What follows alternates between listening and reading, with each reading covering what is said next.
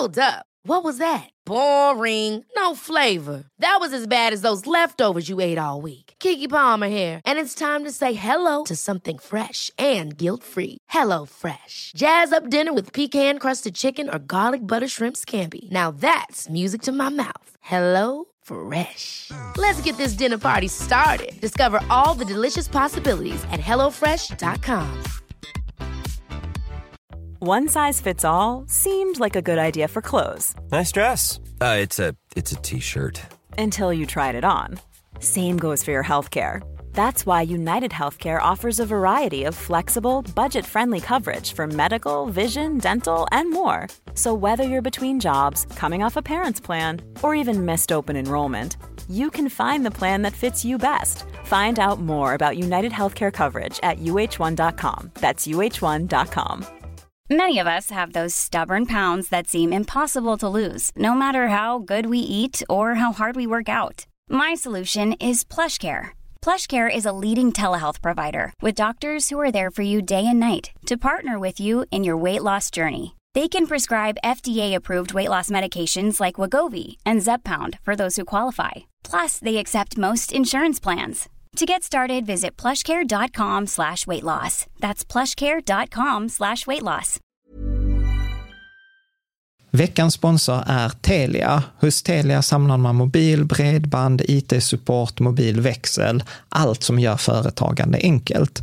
Och det är just det här att samla allt på ett ställe, att ha någon att vända sig till när det inte fungerar, det är Telia. Ett exempel på vad som inte är Telia, det är ju som när jag lyckas boka förmötet för en poddinspelning med Finansinspektionen till efter själva inspelningstillfället. Eller när jag här, här året var liksom, fick för mig att jag skulle börja springa, så jag är liksom ute och springer taggad, träffar en kompis som säger så här, du Jan, på måndag ska jag springa ett lopp. Och jag känner så här, ja men det låter inspirerande, så jag käkar pasta, jag byter om, tar mig ner till Malmö stadion för att göra en efteranmälan, står där i kön och sen så när jag liksom anmäler mig så tittar de på mig och säger så här, du Jan, vårhuset är bara till för kvinnor. Och eh, det var, det var typisk en situation som inte är Telia. Oavsett, ett stort tack till Telia som sponsrar, gör Rika Tillsammans möjligt, men framför allt tack till dig som lyssnar, följer och eh, hänger med oss varje vecka. Ja, för många av oss är det ganska liksom, trist att spara nu, att liksom, det är röda siffror överallt. Man sätter in nya pengar varje månad som är borta två veckor senare, så det känns liksom tröstlöst. Men det som Morgan Housel säger, det är ju detta som är priset vi betalar för att vara med och investera. Det är ju detta som vi betalar för att över tid gå plus och faktiskt tjäna pengar. Så just nu är det bara så här att hang in there, det kommer bli bättre. Du lyssnar på Rika Tillsammans-podden som handlar om allt som är roligt med privatekonomi. I den här podden får du varje vecka ta del av konkreta tips, råd, verktyg och inspiration för att ta ditt sparande och din privatekonomi till nästa nivå på ett enkelt sätt. Vi som gör den här podden heter Jan och Caroline Bolmesson. Idag är dags för avsnitt 252 och eh, vi är ju mitt inne i den här eh, serien Just Keep Buying eh, som är, bygger på bok med samma titel från Nick Maggiuli som driver bloggen Off Dollars and Data. Data. Of dollars and data. Okej. Data. Okej, okay. tack för att du säger det typ tre avsnitt in i den serien. Ja, yeah, on, on air. Ja. Förlåt. Uh, Karo, detta kommer bli ett intressant avsnitt. Karo är på G här. Vi har ju, vi har ju precis spelat in bonusavsnittet till, till denna veckan som är så här att det är lite mycket oro på börsen mm. och det är många som tycker att det är liksom klurigt att spara, det känns jobbigt att man sparar och sen är pengarna borta veckan efter eh, och sådant. Så att jag tänkte egentligen vi skulle prata om det i detta avsnittet, men sen var det så här, nej men låt oss ta det i ett separat avsnitt. Yeah. Och detta spelas ju in då i slutet av april 2022, men eh, det kan vara relevant i alla fall. Men i alla fall, så att det vi, vi kommer göra var ett litet sidospår, en liten fördjupning idag. Och det är helt enkelt eh, som så att vi ska, den nionde principen i den här boken, eh, Just Keep Buying, så har han ett kapitel som heter When can you retire? Ja. Alltså när kan man gå i pension eller hur mycket pengar behöver man när man ska gå i pension? Och eh, jag tyckte att det var så pass intressant. Vi har ju haft ett antal eh, pensionsavsnitt och jag tänkte faktiskt att detta är ett provprat, delvis, detta avsnittet. Vad, är nu ett provprat för något? Eh, provprat, det är en term som ni, eh, min kompis Niklas Delmar eh, har tagit fram, eh, som är så att man får lov att prata och sen låter det för jävla dumt så får man ta tillbaka det. Så ja, för då har man bara- inte tänkt igenom, men Nej. man måste få, få ut Ja, tanken får när testa. den kommer. Ja, man får testa. Eh, och många av, jag upplever så här, många av de avsnitt eller liksom som finns om pension, både som vi själva har gjort och som andra har gjort, handlar ju väldigt mycket om så här, vilka typer av pension finns det? Hur pensionssparar du optimalt? Men väldigt få, få berör frågan, okay, så hur kan man tänka? Hur mycket pengar behöver jag? Hur vet jag att jag är eh, på, på spår? Uh, och, och detta är väl ett, eh, istället för att eh, gå, gå till liksom finansiella rådgivare och göra en ganska komplex Excel-kalkyl, vilket jag rekommenderar att man gör när man är typ 55 och ska planera sitt uttag. Men här blir det, hur kan jag göra någonting som är relativt enkelt, alltså att följa de här stegen vi går igenom idag och hur kan man göra det tillräckligt bra? Att eh, lite det här konceptet som Jonathan Stolzenberg, eh, som har pratat mycket, jag har haft två föreläsningar på Patreon, har pratat om att ibland så är inte målet att ha en perfekt eh, plan eller en perfekt lösning, utan det är mycket viktigare att du har en tillräckligt bra lösning som ger dig liksom hum så du kan börja närma dig problemet istället för att liksom lösa ett problem och sen tappa bort nio andra problem längs vägen. Så att en, eh, eh, liksom att göra en tillräckligt bra lösning. Vi pratar mycket om det i avsnitt 238 också. Mm. Så att dagens avsnitt kommer vara ganska mycket en, en, ett förslag på recept hur man kan räkna. Det bygger liksom lite på liksom så här tio års eh, liksom erfarenhet som jag ändå haft den här frågan. Och den bygger på lite Nick Majulis bok eh, och den bygger lite på den forskning som finns kring pension. Sen är ju den alltid anpassad till USA, så att återigen, försvenskningen är vår. Så jag vill säga så här, liksom, ingen skugga här på Nick Maggiulli. Eh, det är min, min missuppfattning, eh, mina fel om det är så. Men jag ser detta som starten på en diskussion i forumet. Faktiskt. Så att kom jättegärna med, med feedback. Så frågorna eh, som vi ska ha är så här, hur mycket pengar behöver jag för att gå i pension? Hur mycket behöver jag spara? När, och, och har jag svaret på den frågan så kommer jag naturligtvis få svaret på frågan, när kan jag gå i pension? Ja. Så antingen tittar man hur mycket behöver jag spara och när har jag tillräckligt, vilket årtal? Eller så säger man så här, okej, jag vill gå det årtalet och så får man ju anpassa hur mycket man behöver spara. Räkna bakåt. Ja. Men eh, kan man, hur, alltså måste man vara så 40 plus för att kolla eller lyssna på det här? Nej, alltså, Egentligen så har man väl nytta av ju detta. ti- alltså jag skulle säga så här, ju tidigare man lyssnar på detta, desto enklare är svaret. Ja, Alltså- men man behöver ju kanske inte... För det finns ju många som lägger undan pengar till sin pension när de har Ja. fått sitt första jobb när de är 19 år gamla. Ja. Och Precis, det- men få, jag tror att få har ett, ett konkret kvantifierbart mål. Ja. Alltså hur mycket pengar behöver jag i kronor och ören? Och det är väl Mm. liksom det som jag tror att vi ska försöka komma fram till. Mm. För att jag, min upplevelse är väl lite som vi också tog upp i förra avsnittet med eh, då från Nick Majulis bok, att antingen så finns det de som sparar och de kommer sannolikt spara för mycket, att de kommer Ja. dö med mer pengar när, när de dör än vad de är 65. Och sen finns det de som inte sparar alls, som inte kommer ha tillräckligt för sin pension och kommer att kämpa hela tiden. Det finns väldigt få som är så här, jag behöver 100 nötter för att kunna gå i pension. Jag skaffar mig 120 nötter för att jag vill ha lite reserv om jag räknat fel eller ha liksom lite säkerhetsmarginal. Och, och sen när de går i pension så träffar de så här, nej men du vet jag hade 110 nötter. Det var det jag fick. Det, jag, jag sparade precis så mycket som jag behövde. Utan antingen så drunknar man i nötter, att man får tusen nötter fast du behövde bara liksom ja, och så har 120. man försakat massa och så har man tiden. försakat ja. och inte levt livet när man var 40. Så orkar man inte se när man har sina tusen nötter. Ja. Nej, det, så vill vi inte ha det Ja. naturligtvis. Eh, och sen finns det de som behövde 120 nötter men bara fick 40 eller Ja. 60 och aldrig Mm. fick tillräckligt. Mm. Så att detta är väl liksom att eh, poängen här är ta inte för låg risk och jobba inte för lite. Men, men det är lika fel att jobba för mycket och komma in i en pension med, liksom, du vet så här, som jag, om jag tittar på min egen pension, jag tror jag har sparat lite för mycket historiskt. Så att när jag tittar på min pension, vet, jag ligger ju under statlig inkomstskatt eh, idag, men i pension kommer jag ligga över. Mm. Och då blir jag så här, kommer jag behöva dubbelt så mycket i lön när jag är i pension som jag behöver nu? Är det inte bättre att vi använder pengarna på resor eller Ja. gör andra grejer? Mm. Så att, eh, så att vi, vi kommer försöka kvantifiera hur mycket Ja. pengar behöver jag. Bra att du säger det så. Ja, eh, och sen så blir det då naturligtvis, eftersom pension ligger väldigt nära eh, FIRE, alltså där Financial Independent Retire Early, Mm. så blir det egentligen också de facto så här, när kan jag vara ekonomiskt fri? För Ja. att matematiken är exakt, eh, exakt samma. Eh, liksom. Så att det är väl liksom det vi ska göra. Och här, eftersom sånt här är ofta enklare att illustrera, så detta är typiskt kanske sådant avsnitt att om du lyssnar på detta i podd, så lyssna på det, vi kommer försöka beskriva det utan att man behöver ha bildspelet för sig. Men om du går in på då riketsammans.se, letar upp avsnitt 252, så finns det ett bildspel och naturligtvis där finns en video på YouTube eh, Mm. också, där man kan liksom pausa och titta. Och jag har försökt illustrera det med bilder och inte med långa räkneexempel, även om det blir lite sånt också. Bra.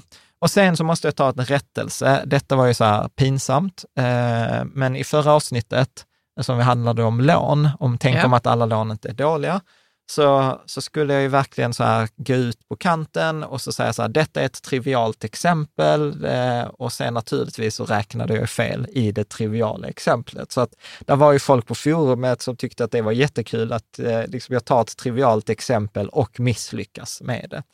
Eh, och då var det ju det här med räntan. Eh, då sa jag så här, att, ja, men säg att man lånar pengar för 0,99 eh, och så sa jag en krona. Så jag lånar en krona och betalar 0,99 i ränta. Så var många så här, en ganska hög ränta, 0,99 eh, att betala på, en krona. Ja, ja. Så att det skulle, eh, naturligtvis skulle exemplet vara 100 kronor jag betalar 99 öre i ränta. Eh, Mm. Men jag tror att det framgick av sammanhanget. Men det är en rättelse. Mm. Bra. Eh, vi har gjort lite tidigare avsnitt eh, på det här eh, liksom ämnet kring pension, så att nu kommer vi inte prata så särskilt mycket så här, hur funkar pension, hur ska man tänka, Nej. efterlevande pension, de bitarna. Vi har ett avsnitt 241 eh, för typ 10 veckor sedan som heter Spara rätt och lätt till pensionen, där det är typ 20 tips. Om man bara ska lyssna på ett enda avsnitt kring pension så är det that's it. Eh, det är också en sammanfattning var allt, alla tips i forumen. Eh, så att det var ju så här 250 eh, inlägg i forumet som sammanfattades till ett avsnitt som håller. Alltså det har inte kommit så här, du missade detta eller du skulle gjort detta annorlunda. Så att jag tycker att det är, det är kvalitetssäkrat. Det är nästan att har du inte lyssnat på det avsnittet, pausa, eh, gå till avsnitt 241, lyssna på det, sen kom tillbaka eh, till, till detta. Och sen har vi andra avsnitt, 195-196 hade vi med Anders Kollberg, eh, som var liksom en av Sveriges bästa experter på pension. Han gick tyvärr bort 2021, men eh, det är fortfarande Han hade superbra. mycket bra att säga i de här avsnitten. Superbra, ja. Mm. Eh, och eh, sen kommer vi också prata i, den, eh, i detta avsnitt något som kallas för 4 regeln Mm. uttagsstrategier. För det är egentligen det vi kommer att prata om. Hur mycket kan jag ta ut? Hur mycket kan jag leva på av mitt kapital? Och det är faktiskt ett avsnitt som vi gjorde för fem år sedan. Mm. Det är helt sjukt. Avsnitt 49.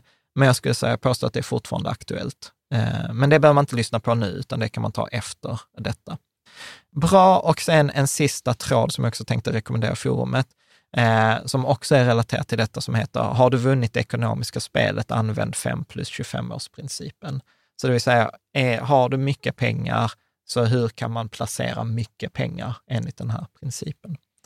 Bra. Eh, och det ska också värt att hålla, eh, liksom lång introduktion idag, men det är värt att hålla i minnet att detta är en komplex fråga. Alltså med pension, hur mycket kan jag ta ut, hur mycket pengar behöver jag? Det är till och med så att Nobelpristagaren William Sharp lär ha kallat pensionen för the nastiest, hardest problem in, in finance. Eh, så att det är inget konstigt om man tycker att detta är lite, lite klurigt. Om, jag tror man kan till och med lyssna på detta kanske två, eh, två, två gånger eh, helt enkelt. Och vi kommer rekommendera också att är du osäker och du vill ha någon som håller dig i handen så finns till exempel Småspararguiden som vi alltid rekommenderar och koen.se, eh, då Kollberg och Enqvist. det är då Anders som gick bort, hans företag, men han har ju kollegor kvar som jobbar på det företaget. Och då kan man få en så här personlig hjälp Eh, med, med det här. Men eh, ja, så. Ja. Känns det förståeligt vad vi kommer att prata om och det liksom lite jag. förutsättningar för det? Snyggt. Då tänker jag att vi ska hoppa rakt in i det. Det enda säger jag innan, eh, att säga stort tack till alla i vår Rika Tillsammans-community på Patreon som gör detta möjligt. Det är ju våra sponsorer som gör det möjligt att vi kan ha både ett bonusavsnitt idag, att vi kan eh, liksom nörda på det här sättet i hur mycket man räknar på, hur mycket Ja. pension man behöver. Mm. Eh, Helt vanliga människor är de. Ja, och vi har haft mycket roligt eh, i communityn på, på sistone. Det, det där är extra material, där är digitala träffar. Tanken har varit att det ska vara en digital träff i månaden. Nu har det varit eh, väldigt många träffar detta året, eh, vilket Mm. är kul. Det Vi- låter ju som att man måste vara lite så ekonominördig för att vara med i Patreon, Nej. vårt Patreon-community, men det behöver man inte Nej. alls. Nej, verkligen inte. Utan, och, och vi pratar om andra saker med ekonomi också. Vi har en bokklubb som vi nu Mm. ska välja en ny bok ikväll. Svettas jag lite på överläppen. Vi ska ha en digital träff med eh, en... Det är många som är i communityn som föreläser om någonting som de är duktiga på eller tycker är Mm. spännande. Så vi har haft det här om ledarskap och liksom planens tyranni. Ikväll har vi ett eh, samtal om skam. Mm. Vilket jag tycker är så här, eh, för bara för något år sedan så sa jag till då Helena som ska hålla i det så här, men jag har inga skamkänslor. Nej, du har ju pratat med mig om det och jag bara, jag har hur mycket skam som helst. Och så har du varit så, "Ja, men jag har ingen skam. Så jag bara, fuck you. Du, du har- vet bara inte det. Det kanske inte alls är så, men det blir liksom, man blir så irriterad på någon som, som tycker att det finns inget i mitt liv som man någonsin har känt skam över. Ja. Men Eh, strunt samma, men det kommer i alla fall ikväll att handla om Ja, och, i- skam i ja, Patreon ja. Och då spelar vi in detta liksom onsdagen, jag vet inte vad det är idag, 26, 27. Ja. Men det kommer alltid in en Det inspelning efteråt. Eh, så att man, man, där finns massor, man är med på det man tycker är spännande, det man inte tycker är spännande är man inte med på och sen är vissa med så här, Jan, jag stöttar er, jag tycker det jobbet ni gör bra, men jag pallar inte, skicka inte mails till mig. Nej. Så där, där finns liksom hela skalan. Och man väljer engagemangsnivå själv eh, på liksom när man eh, går in. Så patreon.com rika tillsammans. Bra. Då tänkte 4 jag, regeln har du skrivit här. Yes. Nu så kör vi igång avsnittet. yes.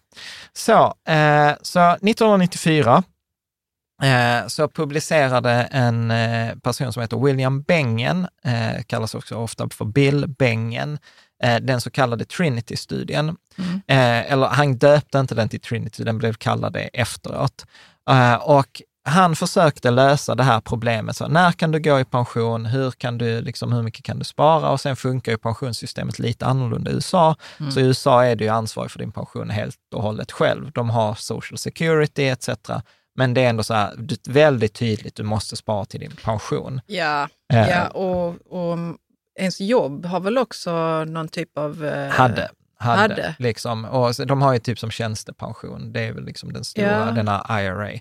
Men skitsamma, Ja, det var inte det samma. som, som var det viktiga, utan han, han testade på en massa tidsperioder och så kom han fram till att pensionärer i USA historiskt skulle kunna ta ut 4 procent av sitt kapital i 30 år. Eh, och utan att liksom pengarna skulle ta, ta slut. Och de här 4 procent per år skulle då placeras i en 50-50-portfölj, alltså 50 procent aktieindexfonder och 50 procent räntefonder. Och sen experimenterade han i den här studien då, alltså ska man ta ut 5 procent eller ska man placera lite mer i aktier, lite mindre i aktier? Och, och jag tror att han spannet han hade var mellan 45 och 80 procent aktier. Men han konstaterade väl liksom någonstans att den, den optimala, liksom eh, tillräckligt bra lösningen. Återigen, inte, inte liksom så att den löser detta perfekt för alla, men som en tumregel, tillräckligt bra lösning, eh, var att om du tar ut 4% av ditt kapital i en 50-50-portfölj så har du stor sannolikhet för att pengarna kommer att räcka till 30 år. Och då tar den även hänsyn till 3% inflation. Då ska man ju komma ihåg att när denna studien gjordes 94 så var det ju precis efter 70-80-talet där vi hade liksom hög, hög inflation i, i hela världen, även i USA. Och, och det som är fräscht med den här regeln är att den just tar hänsyn till inflation och ökade liksom kostnader. Så hans tanke var så här att om du har en miljon eh, kronor eh, så kan du år ett ta ut 4 procent, det vill säga 40 000. År två kan du ta ut 41 200. År tre kan du ta ut liksom då inflationsjusterat detta. Och pengarna kommer räcka i 30 år. Ja. Liksom, de kommer räcka hela din pension. Och eh, sen gjorde en annan amerikansk finansiell rådgivare eh, om den här studien som heter Michael Kitkes och han, han tittade på ännu fler tidsperioder från 1870 och konstaterade att om man följde den här regeln med 50-50 portfölj, 4 procents uttag inflationsjusterat, eh, så, kunde, så var det mer sannolikt att pengarna femdubblades än att de tog slut efter 30 år. Men båda konstaterade att det funkade inte att gå över 4 procent, liksom, för då, då minskade sannolikheten mm. eh, för att det skulle lyckas. Och då introducerade de det som kallas för så här Safe Withdrawal Rate, eller SWR. Eh, det vill säga, hur mycket kan jag ta ut från min portfölj och fortfarande vara säker på att pengarna kommer räcka till det. Och detta är väl i grunden pensionsproblemet. Hur mycket pengar behöver jag för att kunna leva på dem och så att de inte tar slut innan jag dör? Eh, yeah. och, och detta blev ju en, en förenkling, en tillräckligt bra, återigen, inte en perfekt, inte en optimal för alla. Vissa kanske behöver en uttag på 3,5 procent och sen som en intervju som Bill Bengen gjorde, så var han så här, ja, sen hade jag vissa klienter som skulle få ett arv, så de kunde ta ut 5,5 procent. Eh, men 4 procent är tillräckligt bra för att vi ska kunna räkna på det. Eh, och den här 4 regeln kan man sen omvandla till något som kallas för då 25, 25 multiplikatorn eller 25-regeln. Ja. Och då gäller det liksom att teorin här, nu blir det lite matte, men totalt sparande gånger 4 procent kommer ge mig då 4 procents avkastning. Om jag har en miljon, 4 procents avkastning, så kommer det ge mig 40, eh, 40 000 kronor. Om jag hade kunnat leva på 40 000 kronor per år så är jag home fine. Så man kan säga att formeln ser ut, totalt sparande gånger 4 procent är lika med totala årliga utgifter. Vilket i sin tur är att 4 procent är samma sak som 400 delar. Så då får vi att totalt sparande gånger 4 genom 100, alltså 400 delar är lika med totala årliga utgifter. Och eh, 400 delar är lika med en 25 del. Det är bara så bråkräkning, dela på fyra på båda ställena. Mm. Och eh, då får vi att totalt sparande gånger en 25 del är lika med totala årliga utgifter. Och då kommer vi till, om vi byter sida på den här 25an, så får vi totalt sparande är lika med totala årliga utgifter gånger 25. Så beloppet jag behöver ha sparat för att kunna, eh, kunna leva på avkastningen från mitt kapital, givet 4 procents avkastning, är 25 gånger utgifterna. Så att då är det liksom en sån här tumregel. Så har jag 100 000 kronor i, i, i utgifter, ja då behöver jag 2,5 miljoner. Och då kan jag leva med stor sannolikhet på avkastningen från de här 2,5 miljonerna i 30 eh, i 30 år. Och då ska ju inget försvinna, utan det ska bara... Ja, det kommer, ju, det kommer ju minska också. Det minskar också. Ja, men pengarna tar inte slut. Så att även det 30 året kan du ta ut 4 procent inflationsjusterat. Mm. Eh, liksom. Och, och, detta blir egentligen samma regel när man, eller liksom samma beräkning om man pratar om till exempel FIRE. Mm. Alltså när jag är ekonomiskt fri, eftersom vi tar hänsyn till, till årliga utgifter. Sen kan man ju då, om, om tidsperioden är mer än 30 år, att jag vill liksom kunna gå i pension när jag är 45, ja då är kanske tidsperioden 50 år. Ja, då kanske jag vill ha lite högre margin of safety. Att då kanske mm. jag inte räknar på 4 procent, utan jag räknar på 3 procent. Och då multiplicerar jag med 33 istället för 25. Ja. Är med? Ja. Så att, men, men liksom räkneexemplet eh, liksom bygger liksom på samma mekanik. Så om vi skulle ta, ta ett eh, exempel på ett hushåll, så säg att vi har ett hushåll som har, eh, där två personer har medianlön i Sverige, det vill säga att de tjänar ungefär 32 000 eller runt 30 000 kronor. Efter skatt blir det 22 000 per skalle, så att hushållet har 44 000 i utgifter då multiplicerar vi 44 000 gånger 12, då är det 528 000 per år i utgifter. Multiplicerar vi med 25, så 528 000 per år gånger 25, ja men det är 13,2 miljoner. Mm. Och då kommer liksom detta att om vi räknar på det bakifrån, eh, eller baklänges, om jag har 13,2 miljoner till 4 procents avkastning, så får jag 528 000 per år. Om jag tar 528 000 per år, dividerar på 12, så får jag 44 000 kronor i månaden.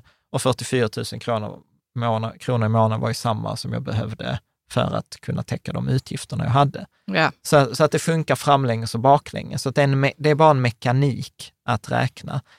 Återigen, det är inte en perfekt lösning, för då vet jag att vän av ordning säger, men du tar inte hänsyn till eh, skatt, ISK-skatt. Nej, jag tog inte hänsyn till ISK-skatt. Jag tog inte hänsyn till eller att de kanske hade ett sparande, eh, etc. Så att man, man, får liksom, an, man kan göra det mer detaljerat, Ja. såklart, eller ta höjd, avrunda, säga så här, ja men vi har man vill det. 600 000 i utgifter och, och då Mm. vet vi så här, ja men vi hade klarat oss på 450. Ja, så man får räkna, räkna på detta, men mekaniken är, är samma. Och detta blir också, om vi bara gör ett kort sidospår eh, innan vi kommer in liksom på själva pensionen, för det är det vi, vi kommer att använda detta.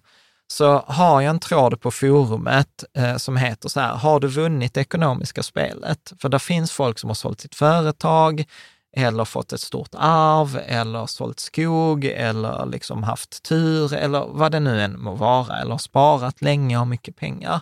Så vi har ju ibland eh, hjälpt eh, folk i den situationen och då brukar min go-to-rekommendation, återigen tillräckligt bra, inte perfekt. Om man tittar i tråden på forumet så finns det mycket invändningar. Då brukar jag säga så här, har du fem års utgifter på ett bankkonto med insättningsgaranti och sen tar du 25 års utgifter eh, i på Lysa eller en fondrobot med 50-50, då har du ganska sannolikt att eftersom du har fem års utgifter på ett bankkonto och de här 25 årsutgifterna ska ju generera en ny årsutgift varje år, Ja. eh, så har du en ganska stor sannolikhet att du aldrig mer behöver bry dig om eh, liksom pengar och du har liksom buffert. Vissa i forumet tyckte att detta är för defensivt, att man kan ha mindre pengar, det, behöver inte, det kan vara 20 årsutgifter, men Mm. jag, jag, jag gillar den här förenklingen för att då blir det så här, okej, jag behöver fem årsutgifter, 25 årsutgifter, 50-50, sen är det färdigt. Sen kan man liksom resten av alla pengar, ja, de kan man konsumera eller man kan investera eller spekulera. Men statistiskt sett så kommer du alltid kunna försörja dig på den utgiftsnivån.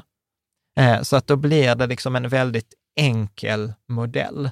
Och jag gillar ju liksom enkelheten. Sen kan man göra den mycket, mycket mer komplicerad. Men om vi bara ska, nu kanske det kommer helt fel i timing här, men om vi bara ska knyta an till den här oron som är på börsen nu, eller, Ja. så, så kan man ju, kan man ju se, om man sitter där med sitt kapital och brukar, liksom, man räknar med 4% om året, kanske i genomsnitt, Ja. att man kan bli lite orolig då, om det går ner mycket eller Ja. ett år. Och så, Ja, och det är därför vi till exempel i detta har fem års utgift för bankkonto. Så att då kan man sitta så här, skit i hur börsen går fem år. Alltså, ja, för det brukar repa sig på den tiden. ja, alltså en genomsnittlig börskrasch är minus 60 procent på 36 månader. Mm. Och sen har vi en återhämtning relativt snabbt på något Mm. år Mm. där också. Och, och det är ju därför vi inte har, vi har ju inte ens den delen som ska ta hög risk. Ja, den är ju dessutom bara 50-50. Alltså där är 50 procent räntor och 50 procent aktier. Så att eh, liksom även den här 4 regeln det är inte så att i bästa fall om du har tur och bra börsår. Eh, utan det, det intressanta är att titta på de dåliga åren. Och det var ju det som de kollade i den här studien, att du har en hög sannolikhet för att pengarna kommer räcka i 30 år. Och oavsett 30-årsperiod, Mm. på, på liksom, de, studierna gjorts på den amerikanska liksom, börsen. Så att, eh, och den tar hänsyn till hög liksom, inflation, den tar hänsyn till dåliga börsår eh, etc. Men som han Kitkes skrev också, sannolikheten var ju eh, större att pengarna femdubblades eh, än att de tog slut. Ja. Eh, så att återigen defensivt. Mm. Så att om, om vi ska ta, liksom, för jag tänkte vi skulle ha ett räkneexempel genom avsnittet, så jag tänker Ja. att vi ska utgå från Anna.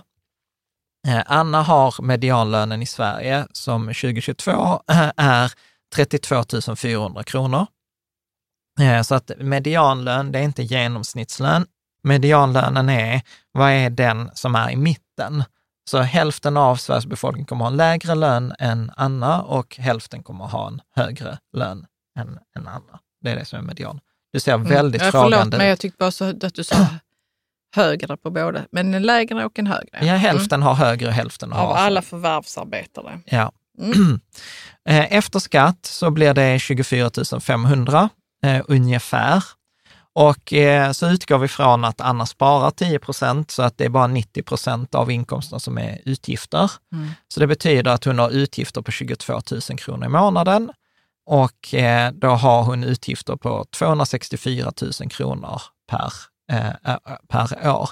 Återigen, nu är detta rena utgifter. Vi pratar inte om sparande, vi pratar inte om amorteringar, vi Nej. pratar inte, utan vi, vi säger så här rena så här, utgifter på 22 000, 264 000. Så, och tittar vi då enligt eh, 4% regeln så ska vi då multiplicera detta med 25 Mm. Eh, och då skulle Anna behöva 6,6 miljoner kronor för att täcka sina månatliga utgifter via avkastning, alltså då liksom Mm. ekonomisk frihet. Liksom. Men då är det ju liksom så här liksom viktigt att tänka att det skulle vara liksom samma som ekonomisk frihet för pension, men så är det ju inte.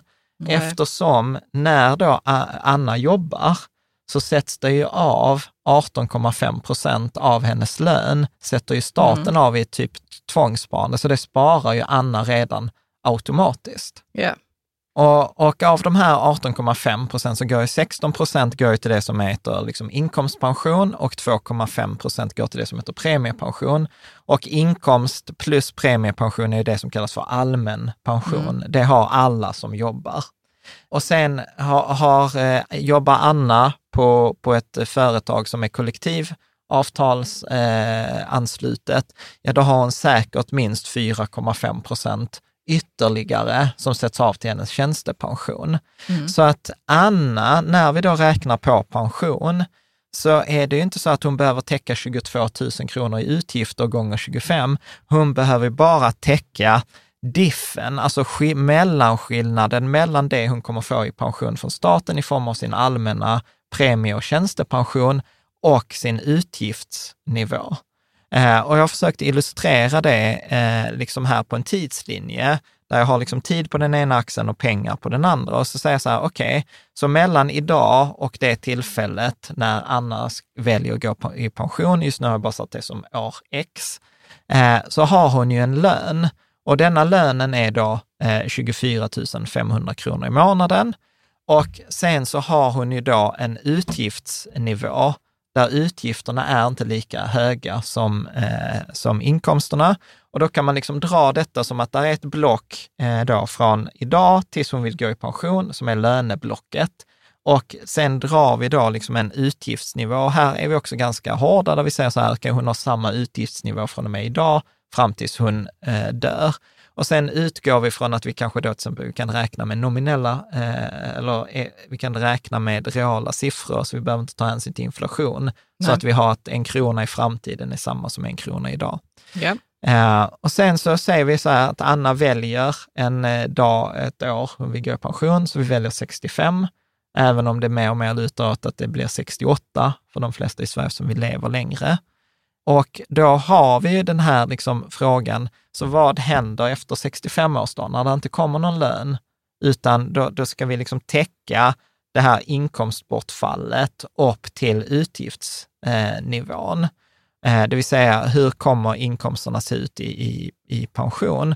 Och då, är, då har vi liksom de här, som jag sa, de här tre delarna. Vi har den allmänna pensionen som består av inkomstpension, premiepension, vi har sparandet från företaget, så vi har ett sparande från staten, ett sparande från företaget om man är anställd och sen det egna sparandet. Mm. Och då behöver vi liksom titta, så vad behöver det egna sparandet eh, bli? Eh, och då kan man ta några tumregler kring svensk pension. Och då är tanken att eh, när Pensionsmyndigheten, detta pratar vi om i ett avsnitt när vi intervjuade Pensionsmyndigheten, så tror jag att man får ungefär 60 procent av sin slutlön. Så om, eh, om Anna har då 32 000 idag innan skatt, så kan hon räkna med att hon kommer få kanske 18-19 000 Ja. i, i, i pension, allmän pension från staten. Och, och tumreglerna är att 35 procentenheter, alltså inte 35 procent, utan 35 procentenheter är då inkomstpension, 15 procentenheter är tjänstepension, eh, 10 procentenheter är premiepension. Så man kan säga att hälften av ens pension kommer att vara den allmänna pensionen, en fjärdedel kommer ungefär vara tjänstepension, en fjärdedel kommer vara eh, premiepension. Mm. Är det förståeligt? Det är det. Det är Ja. det. Men Ja. eh, jag tycker att det är lite så eh, Tråkigt. tråkigt. Ja. Nej, men så, så tänker jag tillbaks på det här när hon skulle spara ihop eh, en viss summa liksom, och ha 4% avkastning om året på det. Och, Ja, och så vi, tänker jag, vi kommer väl till det. ja, vi är på väg dit. Vi är på väg dit. Ja, Ja. vi är på väg Mm. dit. Eh, liksom. så, att, så att av de här a- 18 000 som hon får, liksom, då kommer liksom hälften vara från inkomstpensionen och sen liksom, ja, några Ja, vi har- vi har ja, sagt vi, det. okej. Mm. Bra. Och, och tumregeln här, detta är repetition, bara kort, är att maximal avsättning till allmän pension, alltså inkomst-PPM, får man i 2022 när man har en lön vid 47 717 kronor, eller alltså innan skatt, eller 572 600 kronor i årslön. Då maxar man hela det svenska välfärdssystemet och därför brukar jag säga så här att det, det var, alltså så här, målet man ska ha i, i sitt jobb eller så här, det är att komma upp i en sån här lön på 45-47 000. Om Eh, det går. Ja. om det går. Sen Ja. fattar jag att vissa till exempel yrken går inte det, men då finns det liksom så här, ja men vi har trådar på forumet, så här, det är allt från eh, liksom byt jobb till försök hitta en extra inkomst till liksom så här, Men också det där mentala inställningen att man ska komma så högt som möjligt. ja, Mm. Ja, och även, och, och, och det finns, eh, det finns ett, vi har intervjuat, eller vi har haft liksom sjuksköterskor som är så här klassiska att ha låg lön. Det var en sjuksköterska som sen som exempel var allt från att jobba i Norge till att starta eget, var hyrsjuksköterska etc. Sen återigen, men där gäller det liksom att hitta sina förutsättningar. Men, Ja. men, men så här, tyvärr är fakta att ju högre lön upp till 47 000, desto mer får du i pension. Det, det, är liksom, Mm. det är inte att ha så mycket åsikt eh, liksom om. Eh, sen, och detta är också viktigt för företagare, men, men det har vi pratat om, i, det pratar vi om i avsnitt 241. Så att eh, det kan man liksom hoppa Ever catch yourself eating the same flavorless dinner three days in a row? Dreaming of something better? Well, HelloFresh is your guilt-free dream come true, baby. It's me, Kiki Palmer. Let's wake up those taste buds with hot, juicy pecan-crusted chicken or garlic butter shrimp scampi. Mm. Hello Fresh. Stop dreaming of all the delicious possibilities and dig in at HelloFresh.com. Let's get this dinner party started. Hiring for your small business? If you're not looking for professionals on LinkedIn, you're looking in the wrong place. That's like looking for your car keys in a fish tank. LinkedIn helps you hire professionals you can't find anywhere else, even those who aren't actively searching for a new job but might be open to the perfect role. In a given month, over 70% of LinkedIn users don't even visit other leading job sites. So start looking in the right place. With LinkedIn, you can hire professionals like a professional. Post your free job on linkedin.com slash achieve today. One size fits all seemed like a good idea for clothes Nice dress. Uh, it's a it's a t-shirt. until you tried it on. Same goes for your healthcare. That's why United Healthcare offers a variety of flexible, budget friendly coverage for medical, vision, dental, and more. So, whether you're between jobs, coming off a parent's plan, or even missed open enrollment, you can find the plan that fits you best. Find out more about United Healthcare coverage at uh1.com. That's uh1.com. Så att vad man gör då efter, eh, efter detta, det är ju då att man tittar, loggar in på minpension.se. Och när man loggar in på minpension.se så får man en sån här graf då från 65 tills man är livsvarigt. Och då kan man klicka på den och så kan man se, okej, så vad kommer jag få i pension till exempel mellan 70 och livet ut? Så här på bilden så har jag då klickat på mig själv, och loggat in på min pension och då står det att jag kommer till exempel få 13 800 eh, kronor eh, från 70. Och jag tycker så här, det verkar vara ganska rimligt för en sån person som Anna här också. Och då har vi liksom, då kollar man helt enkelt på minpension.se och säger, okej, okay, så vilken, hur mycket pengar kommer jag få ut mellan 65 och 70? Och i annars fall så blir det så att hon kommer få ut 19 800 kronor mellan hon är 65 och 70 och mellan 70 och livsvarigt så kommer hon få ut 13 800 kronor. Så plötsligt i den här bilden som vi har, vi som liksom tittar på avsnittet, då kan man säga så här, okej, okay, från 65 på den här tidslinjen så har vi 19 800, men det räcker inte att komma upp till den här nivån på utgiftsnivån på 22 000. Så där är alltså en diff. Ja. Eh, och den här diffen får vi liksom då det här beloppet som saknas, alltså det här beloppet som jag behöver spara ihop eh, själv. Och då kan vi plötsligt börja räkna på det här, att vi vet att pensionen är 19 800 kronor innan skatt. Mm. Multiplicerar vi det med 0,7 så får vi beloppet efter skatt som är typ 13 800. Och då vet vi helt plötsligt, okej, okay, hon kommer få ut 13 800, men hennes utgiftsnivå var 22 000, så hon kommer de facto gå 8 200 kronor eh, back i, i månaden yeah. i pensionen. Mellan, hon, hon kommer gå 8 200 kronor back varje månad mellan 65 och 70 år. Mm. Så då har vi liksom fakta här. Vi bör, ja, precis. Det är fakta. Och det, eh, vad gör vi med den faktan då? Ja, men det, vi, vi, vi, räknar. Vi ja. är på väg. Mm. Och 8200 gånger 12, eh, det är ju typ 100 000. Mm. Eh, liksom omräknat. Så hon kommer gå 100 000 back eh, per, per, år. Ja. Per år. Mm. Den andra perioden, från 70 till livsvarigt, så måste vi göra samma beräkning. Och då vet vi att hon kommer få 13 800 kronor, för det har minpension.se sagt. Multiplicerar vi 0,7, ja då är 9 700. Om utgifterna fortfarande är samma på 22 000, ja då går hon 12 300 kronor back varje månad mellan 70 och livsvarigt. Eh, och då blir det 150 000 mm. kronor back per, eh, per år. Eh, så att då har vi liksom plötsligt räknat ut vad... Hur många nötter? Ja, hur många nötter. Hur många nötter hon måste ha, ja. Ja. Och då har vi den här fakta och då kan vi gå tillbaka till vårt räkneexempel. Och då säger vi så här, då räknar vi högt här i detta fallet. Och då säger vi så här, okej, okay, den första fem åren så var det bara 100 000 back per år. Ja. Är med? Den andra perioden 150 000. Så om vi räknar på 150 000 och hon klarar 150 000 back per år, så kommer hon ju även klara perioden då hon bara går 100 000 back. Mm. Eller hur? Mm. Så att då räknar vi på 150 000, vi multiplicerar detta med 25, så får vi 3,7 eh, miljoner.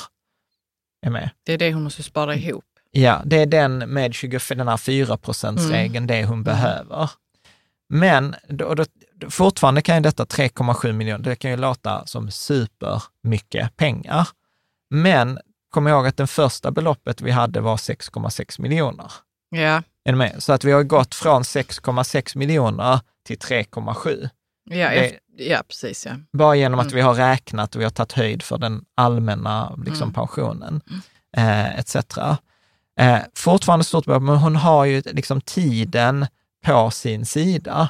För att, liksom, och det är ju detta som jag säger, att, som du frågar så här, när ska man lyssna på detta? Ja, men ju tidigare du börjar lyssna eh, på detta, desto, desto bättre är det, för desto längre tid har du. Och ränta på ränta-maskinen, liksom, den funkar ju på liksom, fyra parametrar. Den handlar om ditt startbelopp, det handlar om din avkastning per år, det handlar om hur mycket du sparar och tiden du, ja. har, du har på dig. Så om vi utgår från att Anna är typ medelålder i Sverige, jag tror att medelålder är typ 40, mm. och eh, om vi då räknar med en tumregel, så kan man säga så här att en, investerar man i en indexfond så kommer pengarna statistiskt dubblas på 10 år och statistiskt femdubblas på 20 år.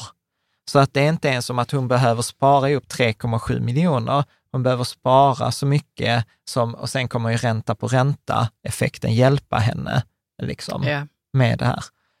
Och någonting som vi kommer att prata eh, om också här lite kort är ju att nu har vi utgått från att hon kommer ha samma utgiftsnivå på 22 000 kronor liksom, eh, från mig idag och sen när, när man lever.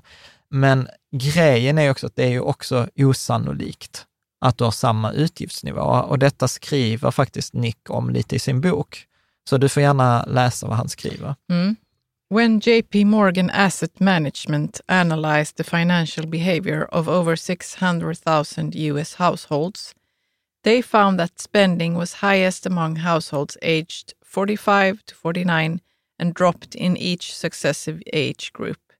This was especially true among households in retirement age. Mm. Sen skriver han vidare, det är inte bara en fortsättning utan detta är längre fram i boken. Mm. They came to a similar conclusion when analyzing data from the Consumer Expenditure Survey.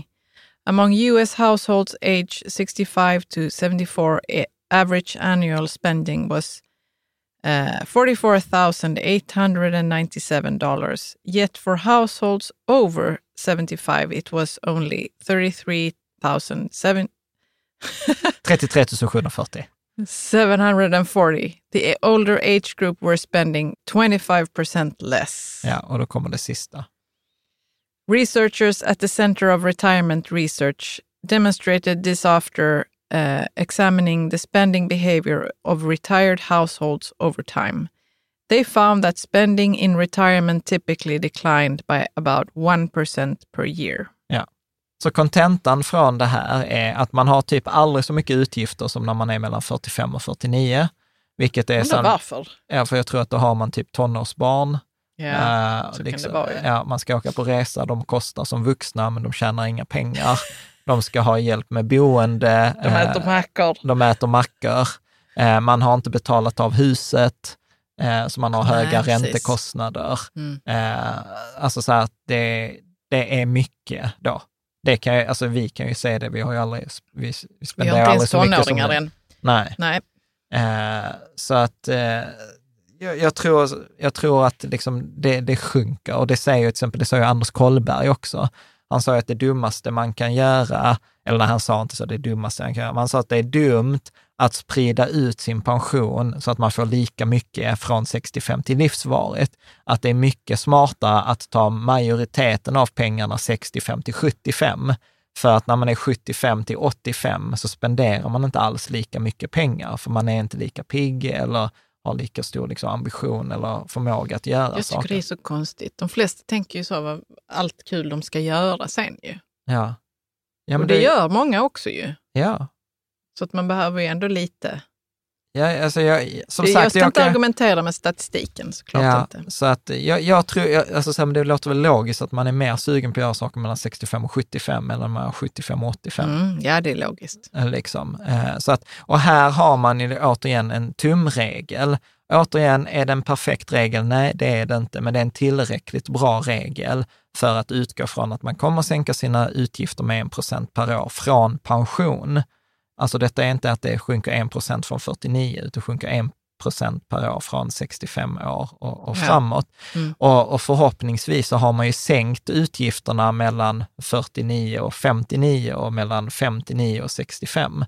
Och, och det märker jag till exempel på min mamma. Liksom så här, du vet, eh, hon kom ju här, när vi tror förra året beklagade oss, att jag tror att vi spenderade liksom en månad så här 20 000 i underhåll för vårt hus. Så hon sa, ja, jag betalar huset, det är skuldfritt, jag betalar 2 000 kronor i månaden. Mm. Så att man har helt andra- andra, Andra utgifter, ja. andra utgifter. Så att jag, jag tycker att liksom även här att vi har varit lite hårda med annat, vi har tagit liksom ett liksom ganska högt exempel. Så tar vi liksom bara hänsyn till att hon har inte sänkt sina utgifter mellan att hon är 40 och 65, vilket vi hoppas att, att hon gör. Så om vi bara räknar ner med 1 procent per år från 65, ja men då kan vi sänka beloppet någonstans mellan 3 och 3,3 miljoner. Så att då är vi liksom mindre än 50 procent av ursprungsbeloppet. Och men vi, vi utgår från det höga exemplet här, 3,3 miljoner. Så hur kan, hur kan Anna nå detta beloppet? Och här får man ju liksom experimentera lite eh, med eh, då till exempel ränta på ränta eh, kalkylatorn. Då har vi en, man kan bara googla rika tillsammans ränta på ränta. Och säga att hon har 100 000 sparat. Vi utgår från en historisk avkastning på 7 procent. Mm. Så vi har ingen överavkastning. Vi utgår från att hon var 40, eh, så 25 års sparhorisont. Och då behöver hon spara typ 3 000, 3 500 kronor i månaden till sin, då, till sin pension. Men notera då att de här 3500 är ju lite, liksom, också lite fake, för det, vi har ju inte räknat med till exempel övervärde i huset eller att huset har ökat i värde eller liksom andra saker, utan här har vi bara utgått så här, nej men hon har inga andra tillgångar och hon måste ha exakt 22 000 kronor när hon går i pension. Och då är det ändå liksom eh, hanterbart. För kom ihåg också, hon hade ju 32, 24 000 och vi sa 10 procent. Så hon sparar ju redan 2 400. Ja, jag tänkte precis det där med att jag tyckte det var rätt högt att spara 3 500 Ja. Till pensionen. Och du säger att hon sparar redan. ja, vi pratade ju om att vi räknar 22 000 var ju 90 procent av hennes inkomster. Mm, precis, och då sparar hon redan ja, Två, så 2000 det- till, ja. annat, till annat. I, Ja, eller till detta. Alltså jag påstår ju så att det är ju bara tre saker man ska spara till i livet. Ja, Alltså det ena är ju liksom buffert och det bör man ju spara redan när man är typ 20 och ha buffert. Sen när du har din buffert, ja då gäller det att spara till ett boende. Och förhoppningsvis har man sitt boende när man är 40. Mm. Och efter 40 så är det inte så mycket annat att spara till än pension. Och, och, och det som jag tycker är ganska fräscht här är återigen, om vi bara lägger undan, alltså, för någon är 3500 jättemycket pengar, helt omöjligt att nå. Mm. Förmodligen har man dock en an, helt annan utgiftsnivå då. För vissa är så här 3500, shit jag sparar ju 10 000. Alltså vi har folk i forumet som sparar 10 000. Men då menar jag på så här, vad är ett rimligt sparande för Anna i detta fall? Nej, men hon behöver, ska hon ha 22 000, exakt samma liksom, levnadskvalitet i pension som hon har innan, det vill säga att hon säger så här, jag accepterar inte att jag ska leva på lägre, eh, att jag ska sänka min utgiftsnivå när jag går i pension. Eh, ja, men då behöver hon spara 3 500 kronor. Och jag tycker det är ganska nice för att många skulle ha att kunna ha ett dåligt samvete, shit jag borde spara mer. Eh, är du med? Som ligger och kanske sparar 5 000. Och då menar jag, om man då räknar på detta sättet, kommer fram till att jag behöver spara 3 500 men har möjlighet att spara 5 000. Ja men grattis, då behöver du ju inte göra det. nej, men äh, absolut. Men jag fastnar lite på det du sa med tre olika äh, grejer man sparar till i livet. Ja, Och då är, pratar vi om stora, vad ska man säga, stort sparande. Eller? Ja. För vi har ju också det där andra som ska hända i livet som resor och... ja fast jag påstår ju att det inte är sparande. Nej, men det är det kanske inte. Det men det kommer ändå vara... utgift. Menar du att det räknas in i utgifts... Ja. Det är en utgift som man bara, man har bara lägger undan pengar till och det är en utgift och då räknas det med i den här utgifts... Ja. Ska man säga? Ja, men det är bara att vi behöver vara tydliga med det. För många tänker nog på det som sparande till Thailandsresan eller sparande till skidresan. Eller... Ja, alltså där, Är du ja, ja, det är bra att du lyfter det. Här kan jag ju vara lite nördig förmodligen, som gillar liksom bokföring och driver liksom företag. Så jag skulle ju säga att det där, det där är ju inte ett sparande, det är en periodiserad utgift. Alltså, och vad, vad jag Men du har menar... sagt det innan, men det kan ändå vara så Ja, att man ja, ja, tänker absolut. sparande. Och Nej, jag har- banken säger också, ska du spara till? Ja, bla, bla. alltså jag har ju träffat, jag har ju träffat människor som säger så här, ja men du Jan, eh, liksom så här, jag sparar, eh, jag sparar 5 000 kronor i månaden. Så jag var skitbra, hur länge har du gjort det? Ja men tre år. Och så säger jag så här, skitbra, då borde du ha långt över 150 000. 5 000 gånger 12 är 60 000, 60 000 gånger 3 är 180 000 och lite ränta 200 000. Mm. Och sen så frågar man så bara, nej, nej, nej, nej det är det inte. Nej, men, så, men då sparar du inte 5 000 kronor i månaden. Då sparar du kanske 5 000 kronor i månaden i tre månader och sen använder du upp dem, 15 Tre 000 år, kronor, mm. och då har du inte sparat och investerat dem. Nej, eftersom de är väck ju. De är väck. Mm. Så, så att detta är ju så här, jag påstår sparande som inte försvinner. Alltså jag, Mm. jag sparar ju till en buffert för att jag ska kunna sova gott om natten. Jag ska helst inte använda min buffert. Behöver jag använda min buffert så måste jag spara tillbaka till den. Är med? Så, så bufferten Absolut. är ju Mm. då de facto sparade pengar. Nästa är ju boende. Boendet eh, sparar jag till, köper, men det är inte, det är inte, jag kan inte jämföra ett köp av ett boende med köp av en pizza. Och när jag kä- käkat upp pizzan så är pengarna borta. Huset har jag ju kvar. Sen, sen argumenterar du i förra avsnittet att huset inte är en investering, utan att huset ska behålla, eller boendet ska behålla sitt värde över tid. Så då är inte de pengarna borta heller. Det är därför jag säger att detta exempel var egentligen ett oschysst, för vi tar inte hänsyn till att hon har sparat Nej. pengar som är i boendet. Med som ger en lägre levnadskostnad, som kanske sänker hennes eh, månadsutgifter, eller som hon kan sälja och flytta till en hyresrätt. Så att där är liksom, eh, vad heter det, liksom hängslen och livrem i detta exemplet. Det är det absolut. Ja. Men, men jag tänker det här eh, månatliga automatiska sparandet. ja, Vad tänker du att det, ska, att det går in till i då? detta. Till, det, till pensionen? Ja. Så när man väl har då sin buffert och när man väl har sitt, Sitt boende, boende. då går det månatliga sparandet till pension. till pensionen. Ja. Och resten är då utgifter, Ja. periodiserat sparande. Ja. Bara så det blir Inte tydligt. periodiserat sparande, periodiserade utgifter. Persi- periodiserade utgifter, ja. Ja, och en periodiserad utgift är bara så här, okej, jag kan inte betala denna på en gång, så jag behöver dra ut den över en period. Mm. Ja, och, och, och ibland så kan man göra det i efterhand, men gör man det i efterhand så kostar det ofta mycket ränta. Så att då är det ju som att jag tar, liksom, så här, man skulle ju kunna säga att det är en avbetalning i förskott. Mm. Ja, absolut. Liksom. Eh, Ja, men bara så det är tydligt så. eh, ja, För i mitt huvud så var det inte tydligt förrän nu. ja. Och, och då menar jag på att liksom tryggheten, eller så värdet jag upplever är att komma fram till detta beloppet. Mm. att okej, jag behöver spara 3 500 kronor i månaden. Jag behöver ha 7% avkastning. Hur får jag 7 avkastning? Ja, över en 25-årsperiod att få 7% avkastning får man med väldigt hög sannolikhet i då till exempel en fondrobot med 100 aktier. Mm. Och så är detta färdigt. Och sen liksom så här krasst, så länge inte Anna höjer sina utgifter väsentligt, eller hon sänker sina liksom, utgifter, så behöver hon liksom inte tänka på detta i 25 år. Med att detta gör ju Nej. pensionen väldigt enkel. Hon behöver tänka på så här två grejer. Ett, fortsätta spara 3 500 må- kronor i månaden och ett, liksom så här, fortsätta ha det jobbet hon har. Mm. That's it.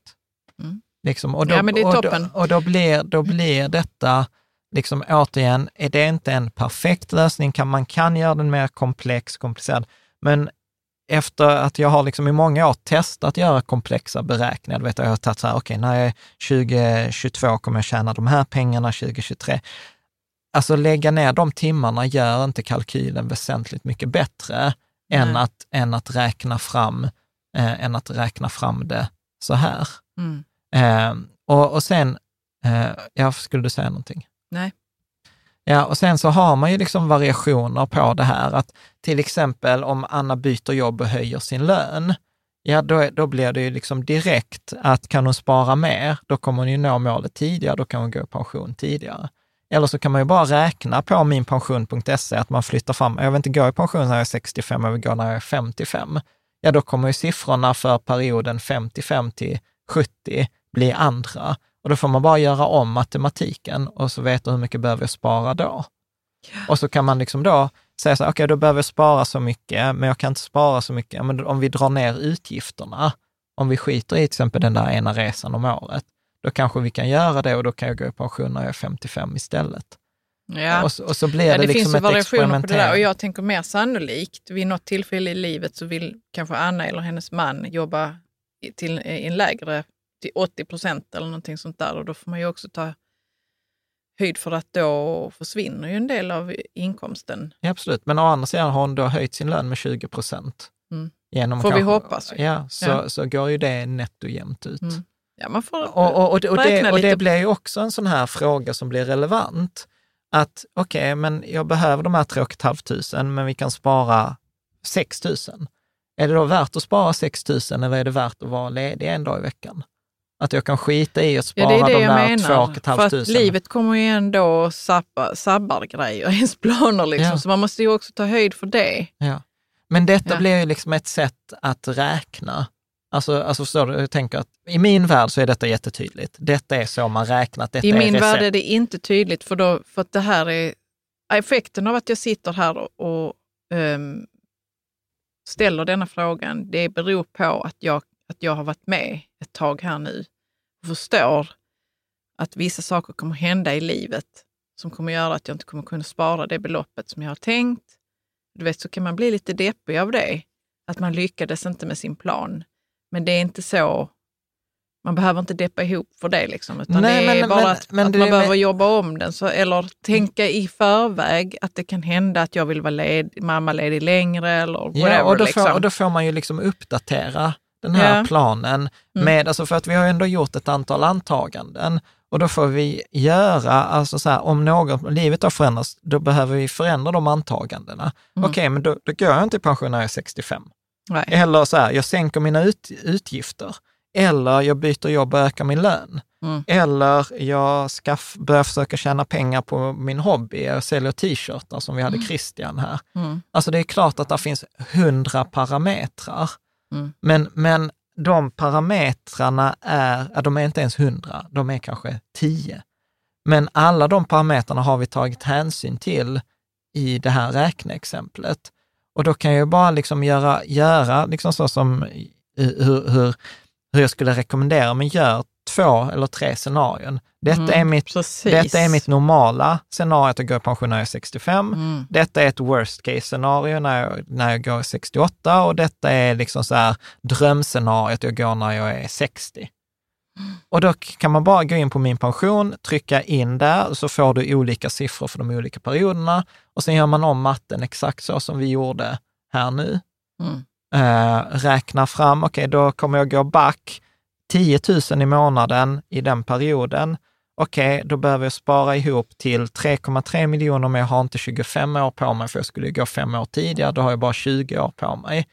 Okej, om jag har 20 år på mig och jag behöver komma upp till 3,3 miljoner och räkna med 7 procents ränta, ja då måste jag spara 6 225 kronor. Okej, och kan jag spara 6 225 kronor just nu? Ja, men det kan jag, perfekt. Nu bara hittar jag på 6 200, så är det ingen som hade räknat fel. Okej, kan, jag, kan jag spara det? Perfekt, no problem. Kan jag inte spara 6 000 kronor, utan jag kan bara spara 2 000? Ja, okej, då behöver jag hitta ett sätt hur jag kan spara 4 000. Antingen genom att tjäna 4 000 extra varje månad, genom att antingen byta jobb, höja min lön, hitta ett eh, extra arbete, börja med någon Mm. hobby eller whatever. Men då, då det är vet inte jag i alla diffust fall. i alla fall. Men? Det är inte diffust hur mycket, som, hur mycket som ska sparas. Nej, För det kan det vara ofta när man inte ens har, har funderat så mycket, utan man bara lägger undan. jag tror de flesta har inte räknat, mycket. alltså fram till bara för något år sedan när jag, när jag liksom började räkna på det här för mig själv, så hade jag inte heller räknat, utan jag hade mer eller mindre ett dåligt samvete, jag borde hela tiden spara mer till min pension. Nej, men det var då jag konstaterade att vårt viktigaste spel är att från, för att vi ska kunna leva från 65 och resten av livet och ha samma utgiftsnivå som vi har idag, då behöver vi göra en avsättning i tjänstepension. I, i liksom det, vi behöver ha en lön på ungefär 43 000 kronor i månaden och vi behöver ha en tjänstepensionavsättning på 5 000 kronor i månaden och sen ha en avkastning på 5 procent. Och då, visste jag, då, då vet jag så här, om vi har det, då är vi home safe från 65-årsdagen och liksom resten av livet. Och då spelar det egentligen ingen roll hur våra investeringar går mellan nu att jag är 40 och 65. Vi kan vara luspanka när vi är 64 år, 11 månader och 29 dagar. Men från 65-årsdagen så kommer vi ha 45 000 kronor i månaden innan skatt resten av livet. Mm. Är ni med? Mm. Så att, så att, och, och då blir det liksom ganska skönt för att då blir det så här, okej, men jag, jag, jag kan hänga kvar trots att börsen har gått ner min 20 procent. Ja, för Ja. det är en sån trygghet i Ja, framtiden. det enda, det enda jag behöver se till är 5 procents avkastning på vårt pensionskapital och 5 000 kronor. Och då vet man också så här, okej, kan jag spara mer eller har fått en högre avkastning? Ja, men då har jag safe. Då har jag den där säkerhetsmarginalen, att jag har 120 nötter, men jag behövde 100, att om någonting går fel eh, eller inte. Mm. Så att det är därför jag hela tiden återkommer till att, att, att liksom höja sin lön, få mer avsättning i pension är bland det viktigaste man kan göra. När, när man har spelat färdigt det spelet, ja då tittar man på utgifterna. Och det går också i linje med det som vi pratade om eh, i förrförra avsnittet. Så här, okay, vad, är, vad är viktigast? Ja, det finns ingen begränsning i hur hög inkomst du kan ha, men det är en begränsning i hur mycket du kan dra ner. Eh, liksom. Bra, och sen tänk också på att eftersom vi multiplicerar med 25, så spelar ju utgiftskronorna, alltså en, en tusenlapp mindre i utgifter, är med, blir ju två, vad, vad blir det? Det blir ju nästan 250 000 mindre i kapital som behövs. Ja. Alltså en tusenlapp gånger 12 är 12 000 och sen multiplicerar man ju den med 25. Så det blir ju nästan liksom som att en tusenlapp i månaden gånger 250. Mm. Men, så att sänk, sänker hon liksom så här från 22 000 till 20 000, ja då är det inte 3 miljoner, då är det 2,5 miljon. Ja, precis, mycket mindre pengar som Ja. behövs. Ja. Så att det är en brutal utväxling i de På här... varje på, tusenlapp på varje egentligen. tusenlapp. Och det, och det är Mm. ju detta som, eh, som då många, till exempel inom FIRE-rörelsen, har tagit reda på. så här, shit, ju, ju mindre utgifter jag har, desto mindre kapital behöver jag. Eh, liksom. Medan då kan jag ju tycka att någonstans går gränsen mellan liksom, vad, är min, vad påverkas min livskvalitet? Mm. Och då tycker jag att det är ett roligare spel att försöka växa och ha, ja men det blir samma effekt om jag håller 22 000 men jag har en lön på 40 000. Alltså att jag dubblar Ja, mina inkomster. Så att kom ihåg att det är en faktor på nästan 250 på varje krona i utgifter per månad eh, som man behöver mindre. Ja, sen, sen precis då har vi pratat om att utgifterna kommer vara mindre, att till exempel barnen, eh, barnen kostar, flyttar ju förhoppningsvis hemifrån innan man är 65. Mm. Eh, sen även om eh, folk brukar skratta åt mig och säga så här, Jan, du vet barn, de slutar aldrig kosta pengar. Eh, men jag vill ju gärna Nej, det tro, hoppas vi. ja, jag vill ju dock gärna tro att jag, jag kostar inte pengar i min mammas liv längre i alla fall. Sen kan man ju också, Fast det gör du ju när hon kommer med sådana monetära presenter till barnen och sånt. ja men vi bjuder henne på resa och sånt. Så att, Ja, Du menar att det går jämnt Ja, upp? Så. Mm. Ja. Eh, så, sen kan man ju också variera på uttagsräntan. Alltså vi har ju pratat 4 procent. Eh, räknar man på 3, procent eller 5,5 procent? Jag tror att snittet, jag tror han Bengen sa att snittet för hans klienter var 4,2 procent. Men återigen, då är vi inne på variationerna och detaljerna. Bättre komma ihåg gånger 25 gånger liksom 4% regeln. Sen har vi också det i avsnitt 49, där vi pratar om variabla uttagsstrategier. Här säger vi att vi plockar 4% varje år inflationsjusterat. Mm. Men man kan ju också göra sådana här varianter att har börsen gått bra ett år så plockar man ut mer pengar.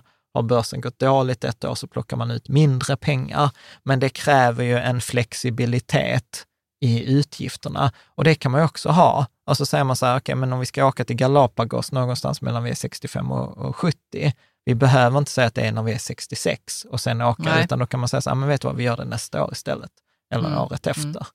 Ehm, så att det är också en variant. En annan variant som är superviktig, som hänger ihop med ränta på ränta-effekten, eh, det är ju detta som vi pratade om innan, till exempel att Warren Buffett, som är en av världens rikaste män, han har väl, jag tror någon sådan siffra, 85 miljarder US-dollar. Men typ majoriteten av de här miljarderna, över 60, jag tror till med kanske var över 80 miljarder, kom ju efter hans 65-årsdag. Så ränta på ränta slår ju till jättemycket i slutet. Ja. Vilket innebär att Pensionsmyndigheten har en tumregel som säger så här, för varje år du skjuter på din pension så höjs din allmänna pension i genomsnitt med mellan 5 och 10 procent. Mm. Det är jättemycket. Så det är Mm. jättemycket. Så att om hon har då 19 000 eh, och säger så här, ja men jag går i pension när jag är 66, ja då är det rimligt att säga att det inte är 19 000 utan 21 000, lågt Mm. räknat i bästa fall 22 000. Väntar hon ytterligare ett år, ja då blir det ännu mycket mer.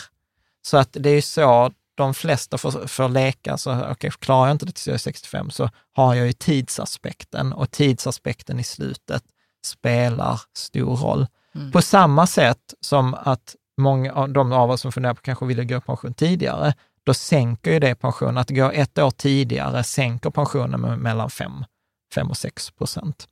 Eh, så att där finns liksom en hel del eh, rattar att skruva, eh, skruva på, tänker jag.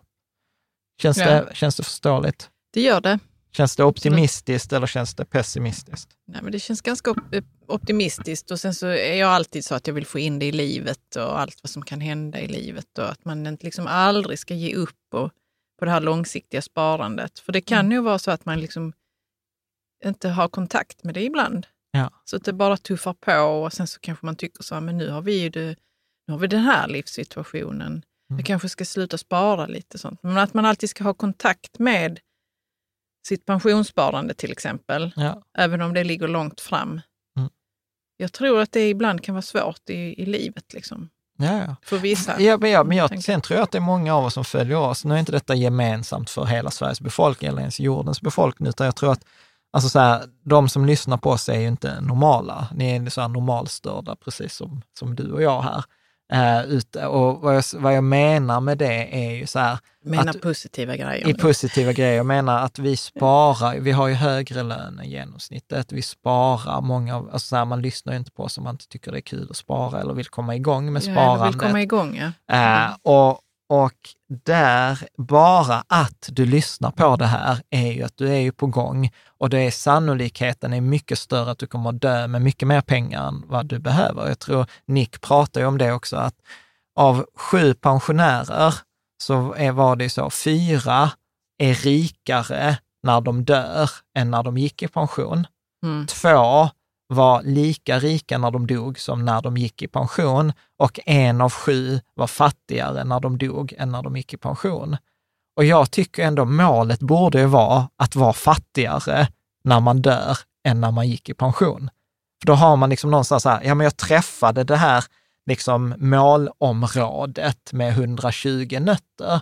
För om jag dör med 500 nötter, ja det är kanske roligt för våra barn som får liksom ett arv, men var, hade de kanske inte varit glada om jag hade lagt mer tid på dem än att jag la den tiden på att samla nötter. Är- Är, Absolut. med? Så, att, Absolut. så att vad jag menar är att sannolikheten är, om jag skulle säga ett råd, så här, om jag till våra lyssnare och följare skulle säga välja mellan så här, spara mer för helvete eller spara mindre för helvete, så hade jag tror jag hade landat i så här, ta det lugnt, det kommer lösa sig, du behöver inte spara så mycket som du sparar. Att jag tror inte att de flesta... Jag tror det börjar gå upp för fler och fler, inklusive oss själva, att, att eh, det gäller att räkna på det. För ja, att man märker att man behöver spara mindre än man tror. ja jag, tror, jag tror det är sannolikt. Om vi skulle ta hundra av våra lyssnare och, och, och så ska jag be dem göra den här matteövningen, så tror jag att, att majoriteten av dem kommer få bli förvånade att de behöver spara mycket mindre än vad de Mm. sparar. Mm. Eh, det, det, det tror jag. Mm. Bra. Eh, En aspekt som är aktuell just nu, april, då, är ju inflation. Så att argumentationen är ju vanligt att så här, ja men hur funkar 4 regeln när det är mycket inflation, särskilt liksom när vi har det nu. Men då tar han faktiskt upp det i boken, så du, Mm. du kan läsa vad han skriver. While yields have fallen over time, Bengen argues that 4% rule still holds. In an October 2020 episode of the Financial Advisor Success podcast, he argued that the safe withdrawal rate has likely increased from 4% to 5% because inflation is lower today than it was in the past. As he stated, when you have a low inflation environment, your withdrawals are also going up much more slowly. So there's an offset to the lower returns that you can't ignore. Så, så att jag, jag, tror så här, man behöver inte tänka så himla mycket på det här med inflationen, eh, eller vara rädd för det. Och återigen, vill man, vill man ha en säkerhetsmarginal, ja men räkna inte på 4% räkna på 3% multiplicera med 33 istället för, eh, för 25. Eller bara vara så här, men jag utgår från 25 och skiter det sig så är jag okej med att gå i pension när jag är 68 istället för 65. Så att man kan ha liksom en flexibilitet i, antingen kan man ha flexibiliteten i utgiftsnivå, att jag kan anpassa, vi kan sänka våra utgifter eller vi kan tänka oss flytta till ett billigare boende eller whatever. Så jag kan ha en flexibilitet och en säkerhetsmarginal i utgiftsnivå. Jag kan ha en flexibilitet och säkerhetsmarginal i tid. Att jag kan säga så här, nej men jag vill gå i pension någonstans mellan 60 och 70. Blir det 63 blir det bra, är det 68 är det också bra. Eh, så att man kan ha, och jag kan ha en flexibilitet i att jag kan spara mer. Mm. Så att där är återigen, där är liksom, jag kan anpassa detta.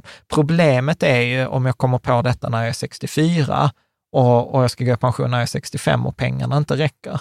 Då Ja. har jag inte så många alternativ som när jag är 40 Nej. eh, och, och, och kan spela med liksom många fler liksom inställningar. Mm. Eh, så att slutligen så tänker jag så här, eh, jag tycker ju så här, eh, detta är ju självklart, eh, men, men sen så har jag ju kämpat med detta i, i många år och detta är väl liksom resultatet. Så att jag fattar Va, vad det, är det nu? Be om hjälp? står det här. Det har vi inte sagt. Nej, men precis. Så, så att min, du tycker att det är självklart nu. Ja, så min poäng är här att, att sitta inte fast, be om hjälp. Vi kommer ha en forumtråd till Mm. detta avsnittet. Jag är tyvärr inte världsbäst på att svara på frågor på, eller kommentar på Soundcloud eller på YouTube, utan ta dem i forumet, för där är vi många. Eh, så ställ frågor, eh, liksom så här, har jag räknat rätt? Har jag tänkt rätt? Så kan vi liksom både förfina modellen eh, och, och, och liksom titta på det. Sen kan man be Pensionsmyndigheten om viss hjälp, man kan ringa till Min Pension, hur ska jag liksom modellera här inne? Eh, och sen så kan man då eh, kontakta då Småspararguiden, eh, där de brukar väl ta någon så här övergripande pensionskoll, tror jag den kostar typ 2 000 kronor ish. Eh, Kollberg Enquist är lite dyrare, jag tror den kostar typ 6 000 kronor. Men de är båda liksom oberoende rådgivare, så du betalar för ett engångsjobb istället för att betala i procent. Eh, och sen vet jag också att Kollberg Enquist har sagt att för oss passar det nog bättre att man, att man är över 50. Alltså är man Ja, när under man hör 50 av sig till ja, dem. Ja. Mm. Eh, Men, eh, men, så jag skulle säga, börja, börja i forumet, eh, liksom, eller börja själv och sen ställ fråga i forumet och sen naturligtvis vill du liksom få en second opinion av en proffs som tittar på ditt så, så är Småsparguiden Karl Enquist de vi tycker, eller vi tycker är bäst. Bra, så att Ja. eh, avslutningsvis så tänker jag säga så att eh, återigen tack till dig i Patreon-communityn som gör detta möjligt att vi kan köra ett reklamfritt avsnitt till. Och jag hoppas att vi ses där och sen till er andra, eh, stort tack till er också. Hoppas eh, att vi ses i, i forumet, eh, i kommentarsfältet där och att du har glädje av detta. Och sen naturligtvis tycker du att vi har fel eller att jag har haft otur när jag har tänkt så kommentera gärna feedback på, på räkneexemplet också. Mm. Ja, Snyggt. tack.